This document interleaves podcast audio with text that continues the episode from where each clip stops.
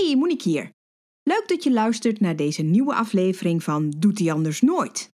Het is bijna een feestje, want het is alweer de tiende aflevering. Dus als je dit nu voor het eerst luistert, ga vooral ook terug luisteren naar alle andere afleveringen die ik al gemaakt heb. Deze aflevering gaat over een veelgehoorde opmerking. Maar waarom gaat hij er dan naartoe? Meestal is dat in de context waarin ik mensen uitleg dat het gedrag wat de hond laat zien waarschijnlijk te maken heeft met angst. Of dat hij het spannend vindt, of dat hij zich zorgen maakt, of dat hij zich bedreigd voelt. Kijk maar hoe je het noemt. Dat geldt zeker voor uitvallende honden, maar ook voor honden die bijvoorbeeld na heel veel lawaai tegen visite uiteindelijk op de voeten of zelfs op schoot proberen te klimmen. Maar denk ook aan honden die bijvoorbeeld bij vuurwerk daar blaffend op afstormen. Ik hoor heel, heel vaak dat mensen zeggen: ja, hij vindt vuurwerk hartstikke leuk. Hmm, meestal heb ik daar mijn twijfels bij. Maar hoe zit dat dan? Dat ga ik in deze aflevering met je bespreken. Er is ook deze week weer een vraag van de week en deze week beantwoord ik Christel. Zij wil weten hoe ze om kan gaan met het feit dat haar hond stress lijkt te krijgen als ze werkt met voertjes in de training. Griffin, ik ben aan het opnemen. Doet hij anders nooit. Herken je dit? Dat je dit zegt of denkt op het moment dat je hond iets doet? En kun je hem ook wel eens achter het behang plakken? Ben je dol op hem, maar word je ook wel eens een beetje gek van wat hij soms kan doen? In deze podcast Doet hij anders nooit vertel ik elke week waarom je hond dat doet, hoe dat komt dat hij het blijft doen, of misschien ook wel niet, en natuurlijk wat je eraan zou kunnen doen. Ik ben Monique Bladder, gedragstherapeut voor honden. En net als jij heb ik zeker niet de perfecte honden, maar wel de allerleukste. Ondanks dat ze soms dingen doen die ze anders nooit zouden doen. Manon is een van de vele eigenaren die diezelfde vraag aan mij stelde. Maar waarom gaat hij er dan naartoe? Maar zij was zeker niet de enige. In haar geval ging het over haar chichu Lotte, een teefje van zes jaar oud. Lotte blafte en gromde als er visite kwam. En in eerste instantie vonden een heleboel mensen dat grappig, zo'n klein wollig ding wat maar zat te blaffen en te grommen. Tot het moment dat Lotte ook af en toe mensen in de enkels beet. Toen werd het wat minder leuk. In het gesprek dat ik hierover had met Manon legde ik haar uit dat de kans heel groot was dat Lotte naar, mensen blafte omdat ze die mensen eng vond. En vervolgens kwam natuurlijk de onvermijdelijke vraag: maar waarom gaat ze er dan naartoe? Ik wil beginnen met de constatering dat een heleboel probleemgedrag bij honden voortkomt uit angst. Zeker niet alle probleemgedragingen, want er zijn natuurlijk ook andere emoties die ervoor kunnen zorgen dat een hond dingen doet die je liever niet wilt, of die vervelend zijn voor je hond of zijn omgeving. Maar angst speelt wel heel vaak een belangrijke rol. Eigenaren zien dat niet altijd, omdat angst bijna altijd synoniem staat in hun belevingswereld aan een hond die met een staart tussen de benen zit te trillen in een hoekje. Nou, geloof me, als je hond dat doet, weet je zeker dat hij bang is. Maar dat wil natuurlijk niet zeggen dat je hond in andere situaties niet ook de emotie angst zou kunnen ervaren. Die angst en de daaruit voortvloeiende stress bij honden kan zich op allerlei verschillende manieren uiten.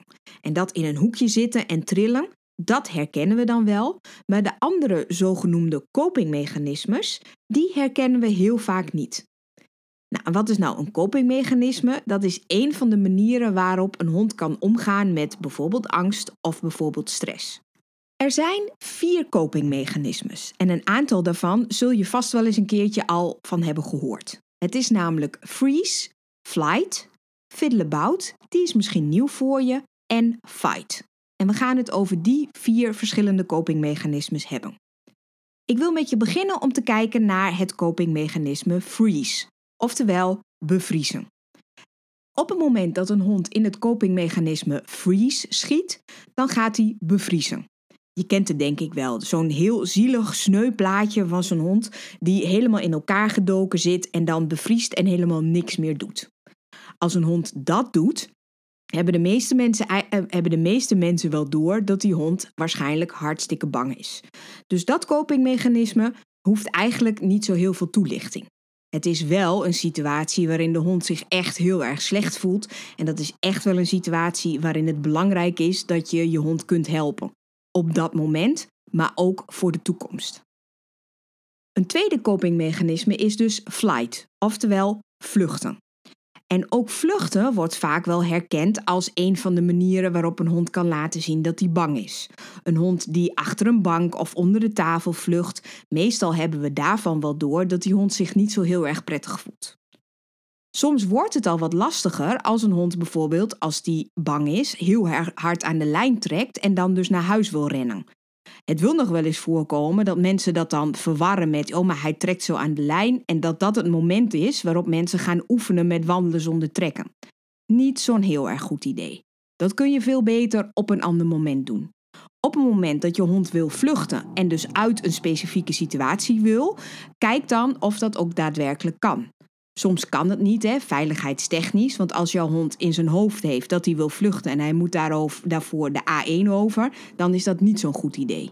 Maar als het wel kan, als er geen risico's zijn, laat je hond dat copingmechanisme vluchten dan ook vooral uitvoeren. Het derde copingmechanisme is fiddle-about. En misschien ken je dat niet, misschien ook wel. Misschien heb je er wel eens over gehoord in de vorm van de gekke vijf minuten.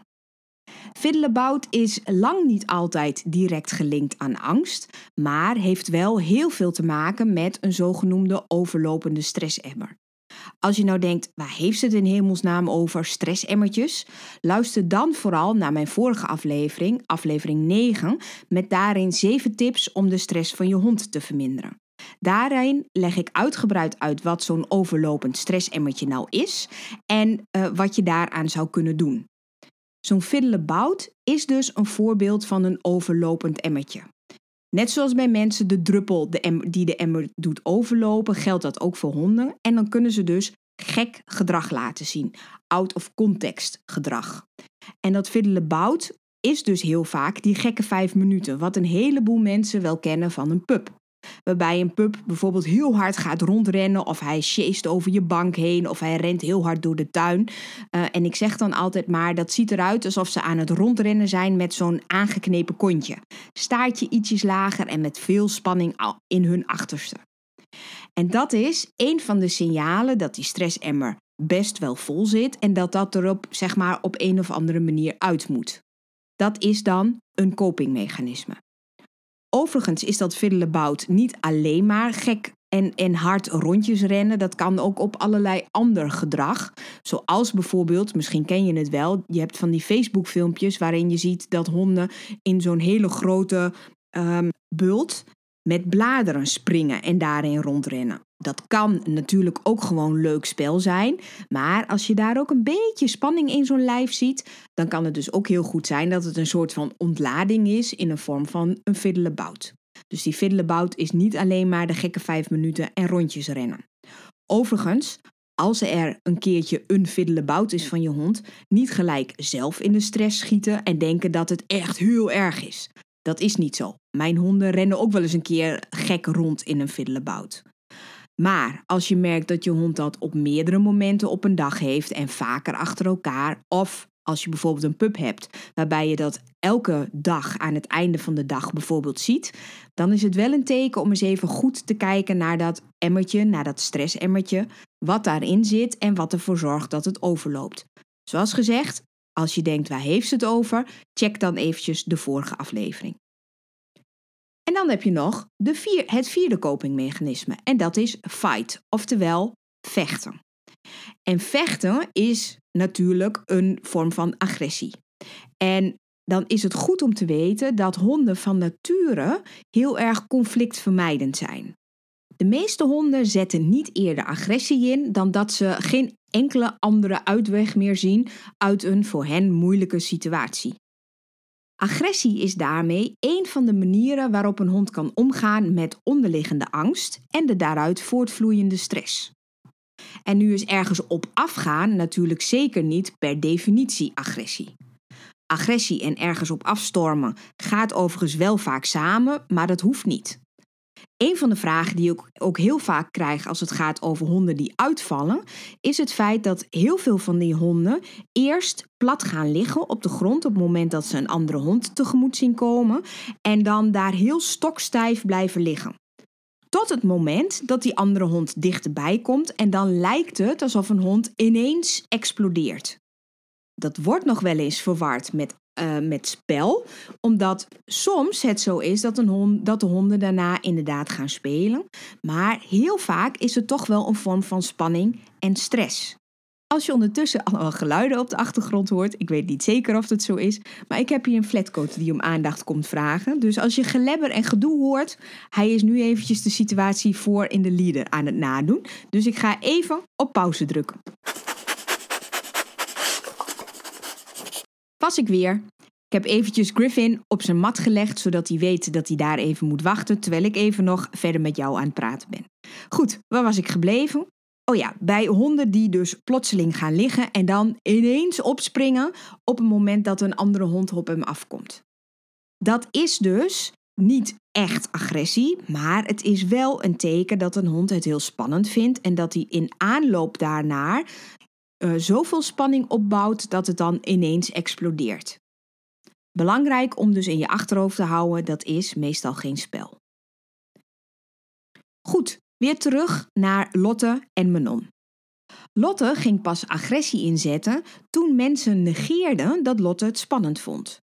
Lotte probeerde op allerlei verschillende manieren aan te geven dat ze eigenlijk het liefst weg wilde bij die visite. Of beter gezegd, ze wilde liever dat die visite wegging bij haar. Maar die visite die accepteerde of respecteerde, kan ik beter zeggen, niet het feit dat Lotte bijvoorbeeld niet aangeraakt wilde worden.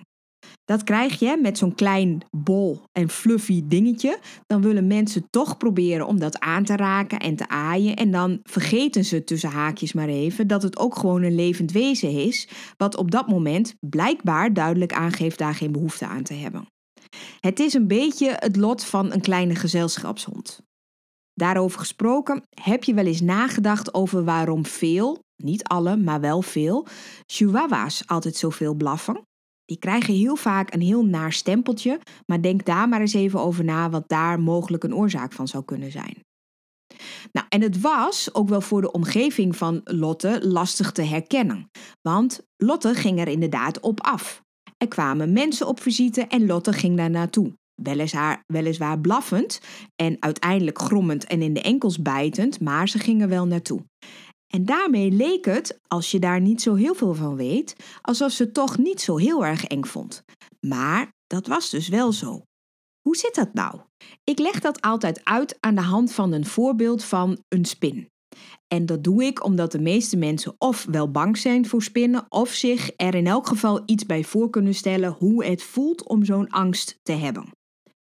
Stel je voor, jij gaat boodschappen doen en op het moment dat jij terugkomt in huis, ligt er op de keukentafel ligt er een briefje waarop staat: Er is ergens in huis een spin, maar ik weet niet waar. En in dit voorbeeld veronderstel ik dus eventjes dat jij hartstikke bang bent voor spinnen.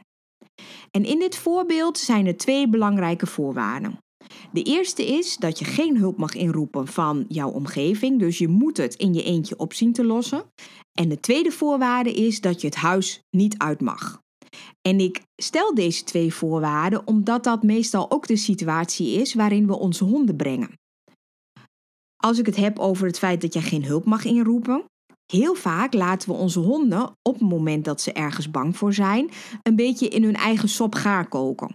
Om niet te zeggen, soms laten we ze gewoon stikken en zeggen we ja, ze moeten het zelf maar oplossen.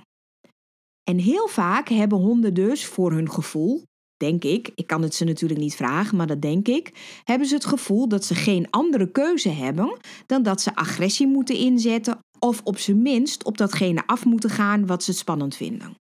Waarom ze dat doen, leg ik zo uit. En wij mensen maken het soms, in plaats van dat we onze honden op zo'n moment steunen, maken het soms ook alleen nog maar erger. Omdat we bijvoorbeeld op onze hond gaan mopperen of op een andere manier de hond corrigeren eigenlijk, als je daar goed over nadenkt, is dat zo niet aardig. Maar dat is nou eenmaal hoe het vaak gaat. Alleen al omdat we heel vaak niet herkennen dat een hond in zo'n situatie het spannend vindt. De tweede voorwaarde, dat je niet weg mag, stel ik omdat een hond vaak ook niet weg kan uit zo'n situatie die hij spannend vindt. Hij zit of aan de lijn of hij zit virtueel aan de lijn. Nou, wat bedoel ik daarmee? Als je met je hond buiten loopt uh, en hij loopt los en er komt een andere hond aan, dan zit hij weliswaar niet echt aan de lijn, maar hij is wel heel erg gebonden aan jou, omdat jij belangrijk bent voor zijn veiligheidsgevoel. Hij vindt het al spannend en dan wil hij dus ook zeker bij jou in de buurt blijven. Als jij dan toch bijvoorbeeld in de richting loopt van die andere hond of van iets anders wat je hond spannend vindt, ja, dan zit hij dus niet echt aan de lijn, maar wel virtueel. Hij is wel aan jou verbonden. En soms kan het zijn dat je hond op een plek is waar die niet makkelijk weg kan, terwijl die dat eigenlijk wel heel erg graag zou willen. Denk aan het voorbeeld van Lotte, die dus ook wel heel erg graag weg zou willen, denk ik, op het moment dat er visite is, maar dat simpelweg niet kan omdat de visite in haar woning, in haar huis zit. En denk eraan, hè, honden zijn dus eigenlijk van zichzelf heel erg conflictvermijdend en ze gaan pas het conflict aan op het moment dat ze geen andere oplossing zien. Terug naar het voorbeeld van de spin in de ruimte. Je vindt dus dat briefje en daarop staat dat er iets in huis is wat je super eng vindt, namelijk een spin. Dan is mijn vraag aan jou: wat ga je doen? Als je geen hulp mag uit inroepen en je mag het huis niet uit. Voor de meeste mensen zal het antwoord zijn: ik ga op zoek naar die spin. Al dan niet gewapend met of de stofzuiger, of met een pantoffel, of met een oude krant om in elk geval iets te doen op het moment dat je die spin ziet, maar je gaat er naar op zoek. Het is namelijk belangrijk voor je dat je controle krijgt over datgene wat je spannend vindt. En dat je informatie krijgt over datgene wat je spannend vindt. Je wilt namelijk weten of jouw partner een hooiwagen gezien heeft of een tarantula en of die spin op je kussen ligt of ergens in de kelder. Dat zijn allemaal dingen die uitmaken en die jouw angst bepalen, of in elk geval jouw angst reguleren. En dat geldt voor je hond ook. Die zoekt toenadering tot datgene wat hij spannend vindt op het moment dat hij geen andere keuze heeft. Of misschien heeft hij wel een andere keuze, maar in zijn beleving heeft hij geen andere keuze. En dan gaat hij er dus op af. De afstand is daarbij heel vaak heel belangrijk.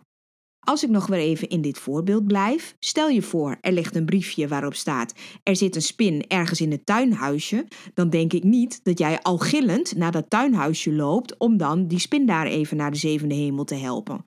Ik denk dat jij dan denkt, nou, die spin zit in het tuinhuisje, daar ga ik voorlopig even niet naartoe, maar ik zit hier veilig. Dat geldt dus voor jouw hond ook op het moment dat die afstand maar groot genoeg is. Dus afstand en intensiteit zijn daarbij super belangrijk. En dit principe van naar iets toe gaan wat hij eigenlijk best wel spannend vindt, dat zie je dus in heel veel gedragingen van honden terug. En wordt dus heel vaak niet herkend. Ik noemde dus al de voorbeelden van een hond die bijvoorbeeld blaffend op vuurwerk afgaat. Sommige honden die gaan vluchten, het copingmechanisme flight. Andere honden die bevriezen, het copingmechanisme freeze. En sommige andere honden gaan dus over in het copingmechanisme fight. En die gaan dus blaffend op vuurwerk af. En ze zijn er vast door, honden die vuurwerk leuk vinden en denken, oh daar wil ik mee spelen. Maar als ik erop zou moeten gokken, denk ik toch dat de meesten het vooral spannend vinden en daarom daar blaffend op af willen gaan. Nou, een andere die dus echt heel, heel, heel vaak voorkomt, zijn honden die al blaffend of grommend, of misschien dat niet eens, maar op andere honden aflopen, terwijl ze ze dus eigenlijk bedreigend of spannend vinden. Je ziet ook heel vaak dat bij die honden het uitvalgedrag aan de lijn vaak erger is dan wanneer ze niet aan de lijn zitten. En dat heeft er meestal mee te maken dat honden die niet aan de lijn zitten dus meer ruimte hebben. Niet zozeer figuurlijk, maar echt letterlijk. Ze hebben meer de gelegenheid om die andere hond te ontwijken. Overigens geldt het niet altijd hoor. Er zijn zeker ook honden die bijvoorbeeld aan de lijn niet uitvallen. En terwijl ze uh, niet aan de lijn zitten, wel uitvallen. Dus het is niet zo zwart-wit. Uh, maar dat heeft dan weer met andere dingen te maken. En dat ga ik ooit in een andere aflevering nog wel een keertje met je bespreken. Nou, en een ander voorbeeld is dus zoals honden kunnen reageren op visite. Heel vaak wordt dat ook nog wel eens verward met dat een hond te blij of te enthousiast is. Maar dat kan dus ook zijn dat daar zoveel spanning in zit dat je bijna een fiddlebout krijgt. En daar heb je dus weer het andere copingmechanisme. En als een hond dus naar die visite toe gaat en op de voeten gaat zitten, of bijvoorbeeld op de bank ernaast gaan zitten, onze Haley, onze wel Spaniel, doet dat bijvoorbeeld ook heel erg, ehm, dan wordt dat dus heel vaak gezien als, oh, hij zoekt toenadering, zolang daar geen agressie bij zit. Maar eigenlijk kan het dus maar makkelijk zo zijn dat de hond het spannend vindt. Overigens, laat ik gelijk een disclaimer erin gooien. Het is natuurlijk zeker niet zo dat elke hond die naar de visite toe gaat, um, dat spannend vindt. Helemaal niet. Onze Griffin, en zo zijn er een heleboel honden, die vinden visite alleen maar leuk. En gaan daar niet naartoe omdat ze het eng vinden. Maar als ze er blaffend op aflopen, of je ziet heel veel spanning, um, of je ziet andere stresssignalen, zoals dat bijvoorbeeld ook bij Lotte het geval was, ja, dan kan het dus zijn dat een hond er naartoe gaat omdat hij het spannend vindt. Lotte ging dus ook dichterbij omdat ze voor haar gevoel geen andere keuze had. Ze kon de ruimte niet uit en werd dus bijna gedwongen om bij die onbekende mensen in de buurt te zijn. En die visite liet haar dan vervolgens ook helemaal niet met rust. En een van de dingen die we gingen, zijn gaan doen om ervoor te zorgen dat er in elk geval meer rust kwam voor Lotte en ook voor Manon en dat het allemaal wat beter en wat soepeler ging verlopen, was dat als er visite kwam, ging Lotte in de bench met een gevulde kong. Ze kende de bench, had ze geen negatieve associaties mee, dus dat vond ze helemaal prima. En Manon zette de bench op zo'n plek dat het ook voor Lotte geen probleem was als er visite was, want die was op een redelijke afstand en ze konden haar dus ook niet daar lastig vallen. Dat was wel de duidelijke instructie die Manon daarbij gaf aan de visite. En het was natuurlijk niet de oplossing, want Lotte vond visite nog steeds hartstikke stom. Maar het werd op deze manier al minder een probleem als er eventueel visite kwam. En het zorgde er ook voor dat op zijn minst de angst van Lotte voor het bezoek niet erger werd. Want elke keer dat er bezoek kwam, wat toch wel per ongeluk of expres haar ging aanraken, ja, dat zorgde ervoor dat die angst alleen maar groter werd. En natuurlijk, minstens zo belangrijk, de enkels van de mensen die op de koffie kwamen, die bleven in het vervolg heel. Werken aan die veiligheid is natuurlijk superbelangrijk en moet prioriteit hebben. Maar realiseer je wel dat je daarmee niet het probleem oplost. Om echt iets op te kunnen lossen, zul je daadwerkelijk moeten trainen. Ik vergelijk hem maar weer met het verhaal van die spin. Stel, je komt in huis, je vindt het briefje en je kunt op welke manier dan ook de afstand vergroten. Dus stel je voor, je mag wel het huis, het huis uit. Dan um, los je op dat moment misschien wel wat op, maar een volgende keer word jij niet minder bang voor spinnen. Daarvoor zal er iets anders moeten gebeuren, zodat jouw associatie met die spin anders wordt. Dat dat niet gelijk angst oproept, maar dat daar een andere associatie eh, gemaakt wordt. Nou, zo geldt dat dus ook voor je hond. Maar het is op zijn minst een allereerste begin en uh, het is een goede stap om daar mee te beginnen.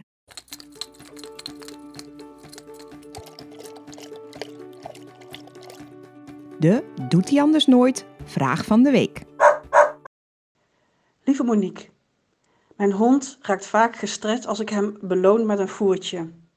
Hoe beloon je je hond als hij gefixeerd is op eten? Dankjewel Christel voor je vraag. En ik kan me voorstellen dat het een vervelende situatie is. Ik weet natuurlijk niet alle ins en outs van de situatie waar jij mee zit en waar je mee speelt, dus ik geef een aantal verschillende opties. Als eerste zou het kunnen zijn dat je toch gaat zoeken naar voer wat minder lekker is, wat minder interessant is, als dat hetgene is wat je hond heel erg triggert. Ik denk dan bijvoorbeeld aan uh, misschien een stukje fruit of misschien een stukje groente of iets van spersiebonen of zo. Nou, nou zijn er natuurlijk ook honden die daar ook bij wijze van spreken een moord voor doen. Dus het zal misschien in jouw geval ook nog niet werken. Maar je zou ervoor kunnen kiezen om een aantal verschillende voertjes op een rij te zetten. En dat je gaat kijken, oké, welke voertjes pakt mijn hond als eerste en welke pakt hij als laatste.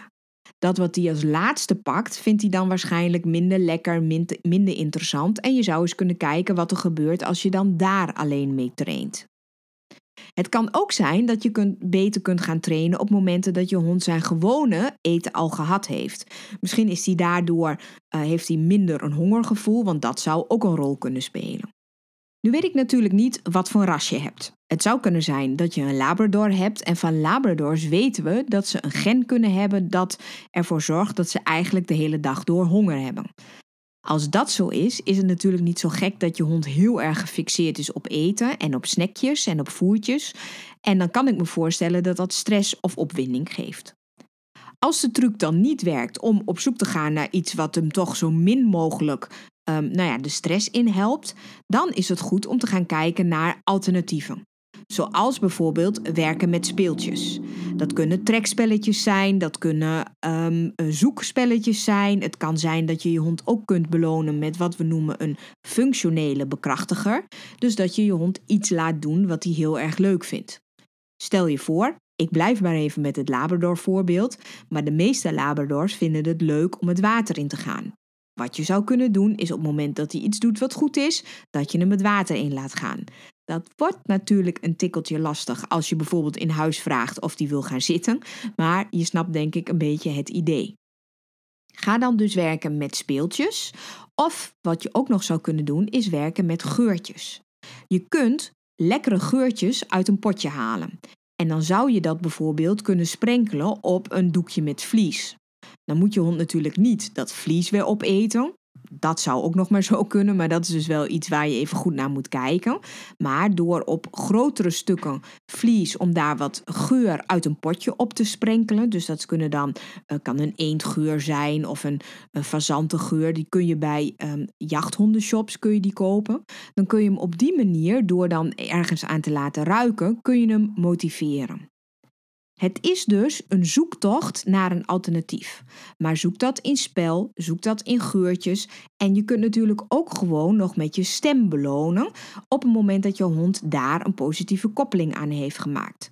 Dat is dus wel belangrijk dat je daar dan vooral naar kijkt of jouw hond op het moment dat je zegt goed zo of dat is braaf, dat hij dan daar ook op reageert. Want het is wel belangrijk dat het iets is wat voor je hond belonend slash bekrachtigend werkt. Soms is het zo dat een hond stress opdoet van voer omdat voer de voorbode geworden is van iets wat niet leuk is. Zo zijn er bijvoorbeeld mensen die op het moment dat ze een hond moeten borstelen, eerst voer voorhouden en dan beginnen te borstelen. Of als een hond bijvoorbeeld uitvalt naar andere honden, dat ze eerst beginnen met voer strooien, waarna de hond om zich heen gaat kijken, omdat dat misschien de voorbode wordt van dat er een andere hond aankomt. Als dat zo is, dan moet je heel erg gaan kijken naar je timing van je voer. Ik weet dus op basis van jouw vraag niet wat er bij jullie aan de hand is, maar daar zou je ook eens naar kunnen kijken. In deze aflevering heb ik uitgelegd waarom een heleboel honden die naar een andere hond toe gaan, of naar de visite, of zelfs op vuurwerk aflopen, terwijl ze toch bang zijn. Waarom doen ze dat toch? Daar naartoe lopen. Het heeft vaak alles mee te maken dat ze geen andere keuze hebben. Ze kunnen niet weg of datgene wat ze spannend vinden is te dichtbij. Probeer dat als eerste voor je hond te doen: de afstand te vergroten. Hoe je dat doet verschilt heel erg per situatie. Alleen met dat ontwijken of de boel te managen ben je er nog niet. Je verandert niet wat je hond van die situatie vindt. Daarvoor zul je moeten trainen. In de andere afleveringen van Doet hij anders nooit vertel ik je nog meer over wat jullie verder kan helpen. Je kunt hiervoor gaan naar vriendvandeshow.nl slash doet hij anders nooit. Daar kun je volgens het principe geef wat het je waard is ook een donatie doen. Het bedrag bepaal je helemaal zelf. Je kunt natuurlijk ook abonneren of de podcast volgen. Mijn podcasts zijn ook op mijn YouTube kanaal te vinden waar ik nog meer informatie met je deel. Kortom, ik kom je vast wel weer ergens tegen. Bedankt dat je hebt geluisterd naar Doet hij anders nooit. Ik hoop dat ik jou en je hond wat verder heb geholpen. Wil je geen enkele Doet hij anders nooit missen? Abonneer je dan op mijn podcast en nog beter, laat een review achter. Zou ik super blij mee zijn. Wil je dat ik jouw vraag ook beantwoord in deze podcast? Mail dan naar contact@moniquebladder.nl. Tot volgende week.